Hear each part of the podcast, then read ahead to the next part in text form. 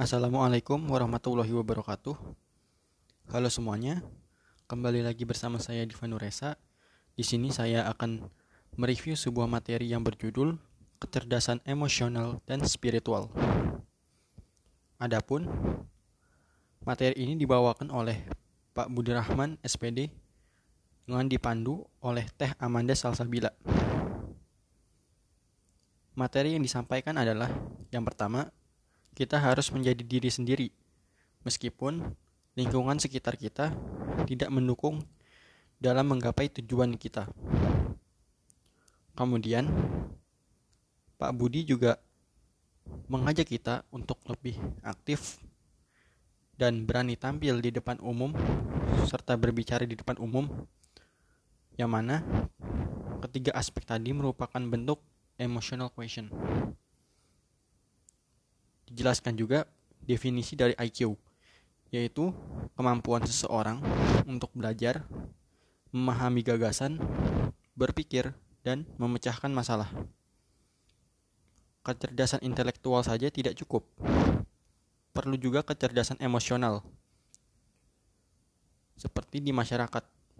Untuk memecahkan masalah yang ada di masyarakat, kita dituntut untuk tidak hanya mengandalkan kecerdasan intelektual, tetapi juga kecerdasan emosional untuk merasakan permasalahan apa yang sedang dialami oleh masyarakat itu.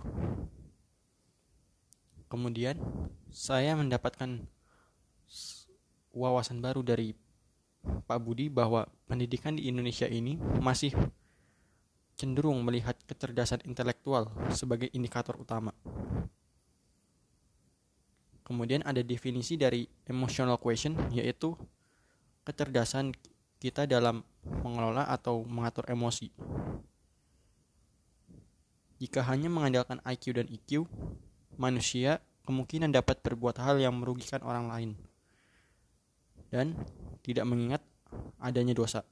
Oleh karena itulah dibutuhkan yang namanya SQ atau spiritual question yang mana segala sesuatu yang kita lakukan dari siapa, untuk siapa, dan akan ke mana. Yang pada akhirnya SQ ini akan bermuara. Apakah manusia ini akan masuk surga atau neraka sebagai uh, timbal balik dari hal yang mereka lakukan di dunia. Kesimpulan yang saya ambil adalah pentingnya menyeimbangkan ketiga aspek tadi, yaitu IQ, EQ, dan SQ dalam kehidupan agar menghasilkan hidup yang lebih baik dan damai. Sekian, terima kasih dari saya. Wassalamualaikum warahmatullahi wabarakatuh.